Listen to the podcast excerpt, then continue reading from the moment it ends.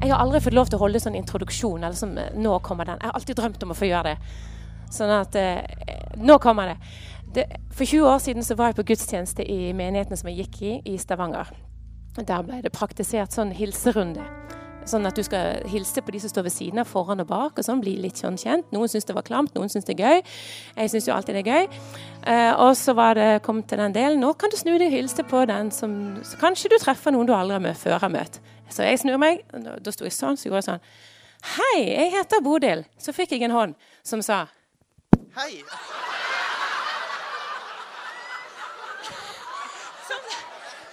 Vi tar tagning to. Som sa Hei, jeg heter Per Børge.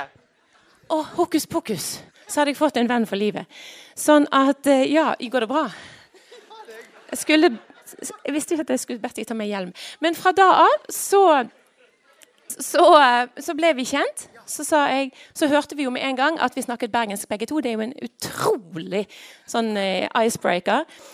Eh, og så sa å, er du fra Bergen? Og ja, du er fra Bergen. Så, så spurte du hvor lenge har du vært der. Jeg har vært der så og så lenge. Så sa jeg hvor, hvor lenge har du vært der? Så sa du jeg har flyttelasset mitt stående utenfor.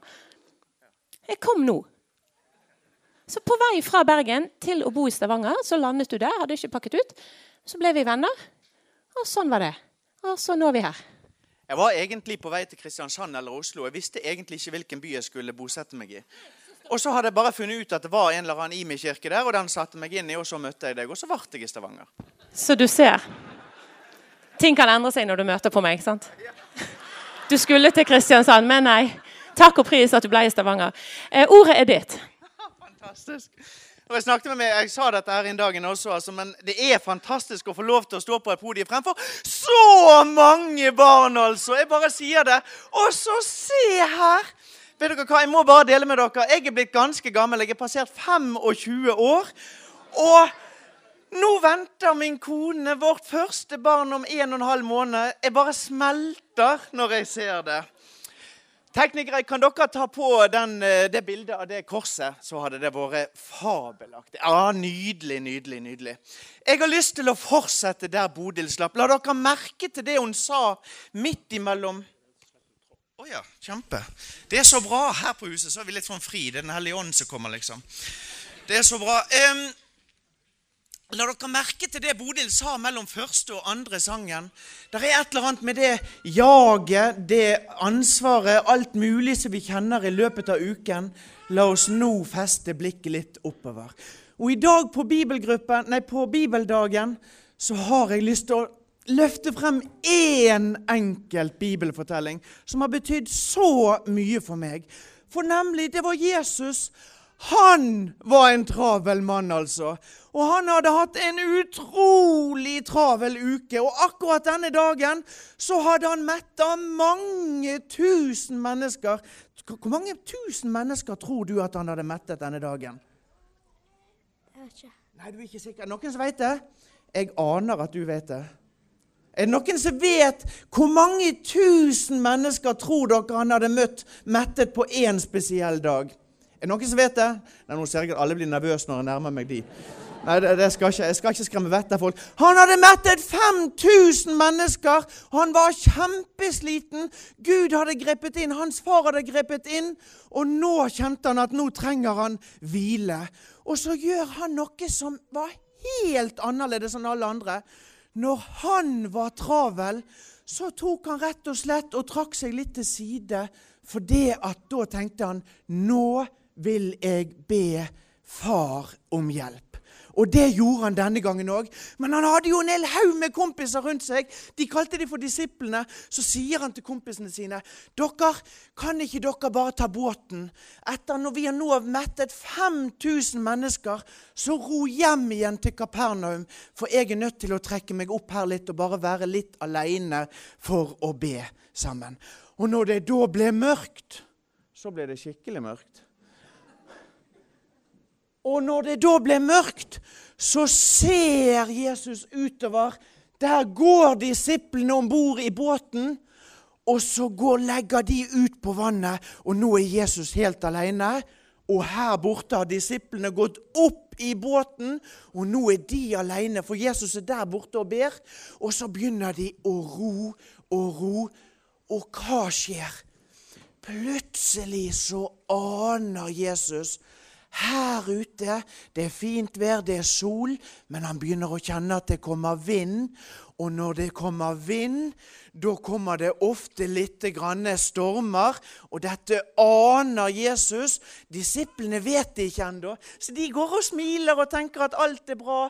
Og så ror de ut på havet.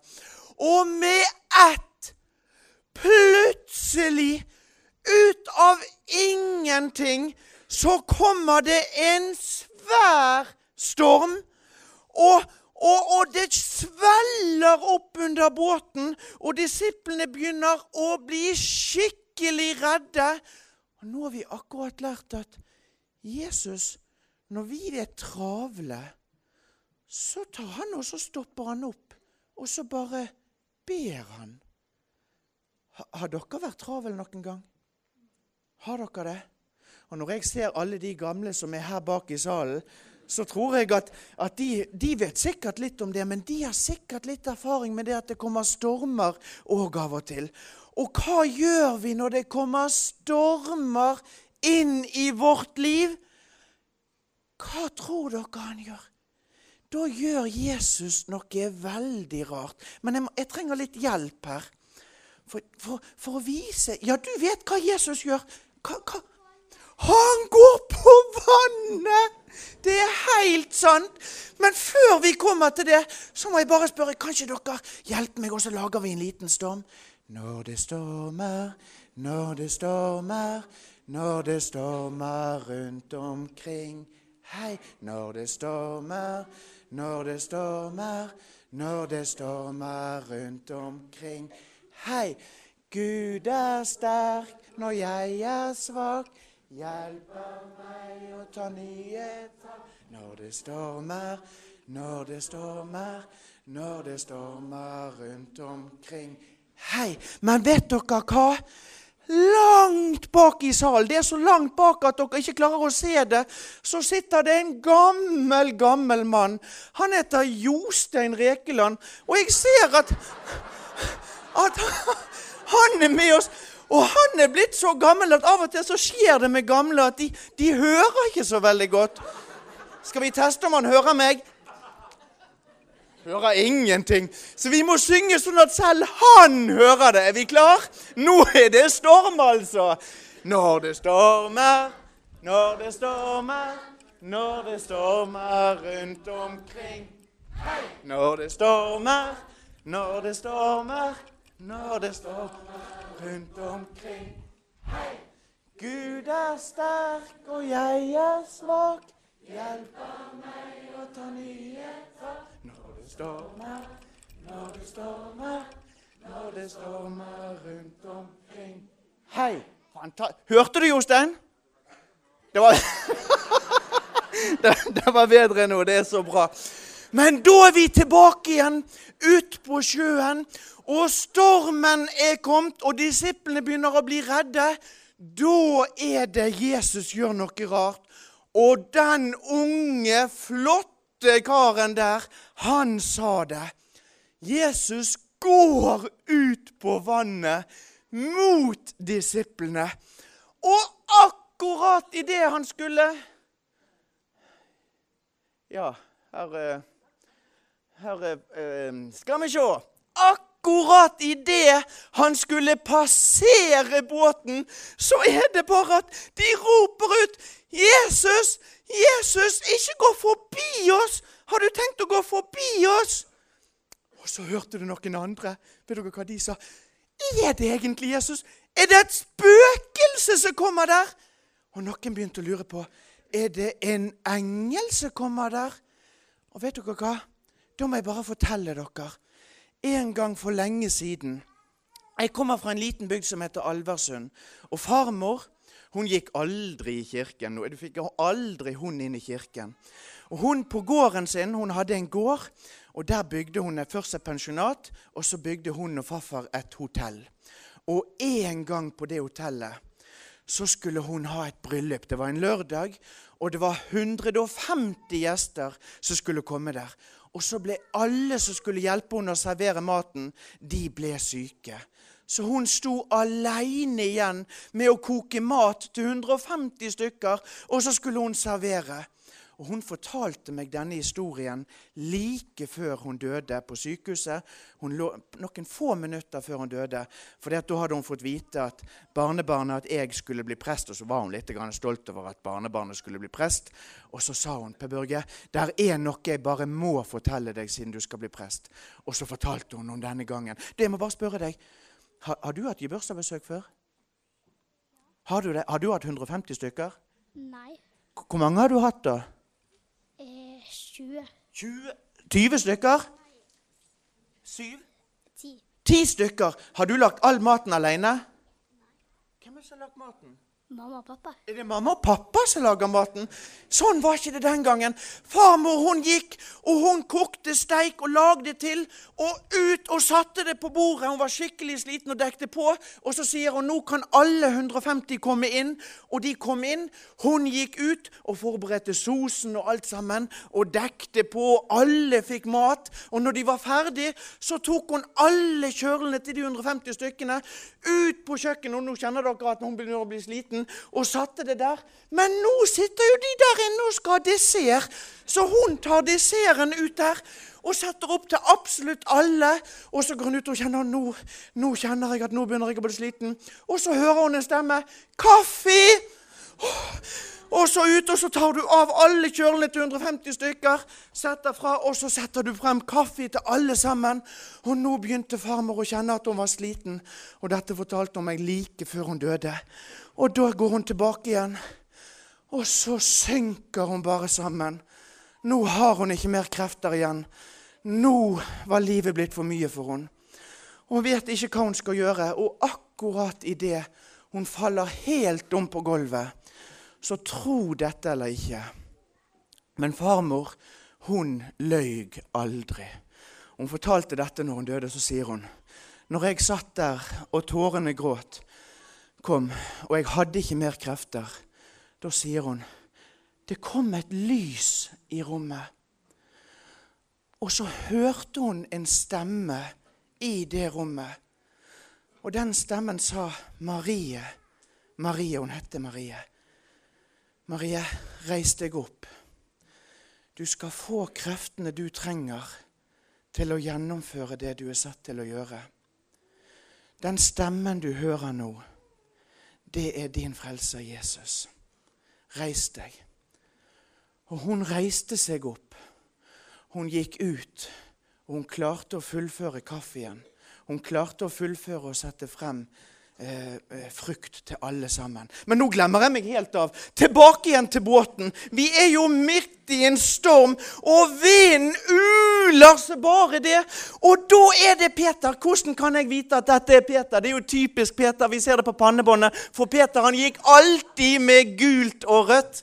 Det er fordi at han egentlig Det røde det, liksom, det ligger i navnet Jesus må jeg elske. Det har satt min sjel i brann. Og brann har jo rødt merke på Sånn at Så det er typisk Peter. Han er liksom bergenseren på akkurat dette. Og så roper han ut, liksom. 'Jesus, er det deg?' Og Jesus sier, 'Kom ut! Kom ut! Kan jeg gå på vannet?'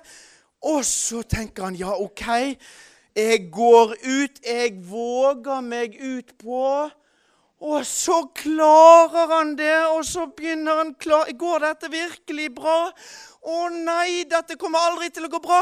Og så skjer det som måtte skje. Han begynner å synke, og det går eh, Det gikk ikke så veldig bra. Han synker i alle fall under, under sjøen, og der ligger han. Og vet dere hva? Jeg tror vi alle har vært akkurat der. Vi går på den sjøen, og så kjenner vi at nå synker vi. Det kan være den gang du fikk den der telefonen. Ja, din far er død. Det kan være den gangen telefonen ringte, og beskjeden lyder Det er ikke så veldig bra til med helsen din. Der er noe vi har funnet. Jeg tror du må komme inn til en undersøkelse. Da er det vi kjenner at vi synker, og vi er under. Det er mange av oss som har fått sånne beskjeder. Men der og da så er det Jesus ute på vannet. Han griper fatt. Kan, kan du komme opp? Kan jeg, kan jeg spørre om du kan hjelpe meg litt? Jeg, jeg, jeg trenger alltid hjelp. Hvis du kan hjelpe meg litt, grann, så flott. Der og da, der ute, midt i stormen, så kan du rekke opp hånden der. Bare rekk den frem. Så er det at Peter rekker frem hånden, og Jesus tar tak i han og sier, 'Jeg merker at du synker. Jeg ser at du synker, men jeg holder et tak i deg. Vær sikker, du trenger ikke holde. Legger du merke til hvem som holder? Det er jeg som holder deg. Skal vi gi henne en god applaus?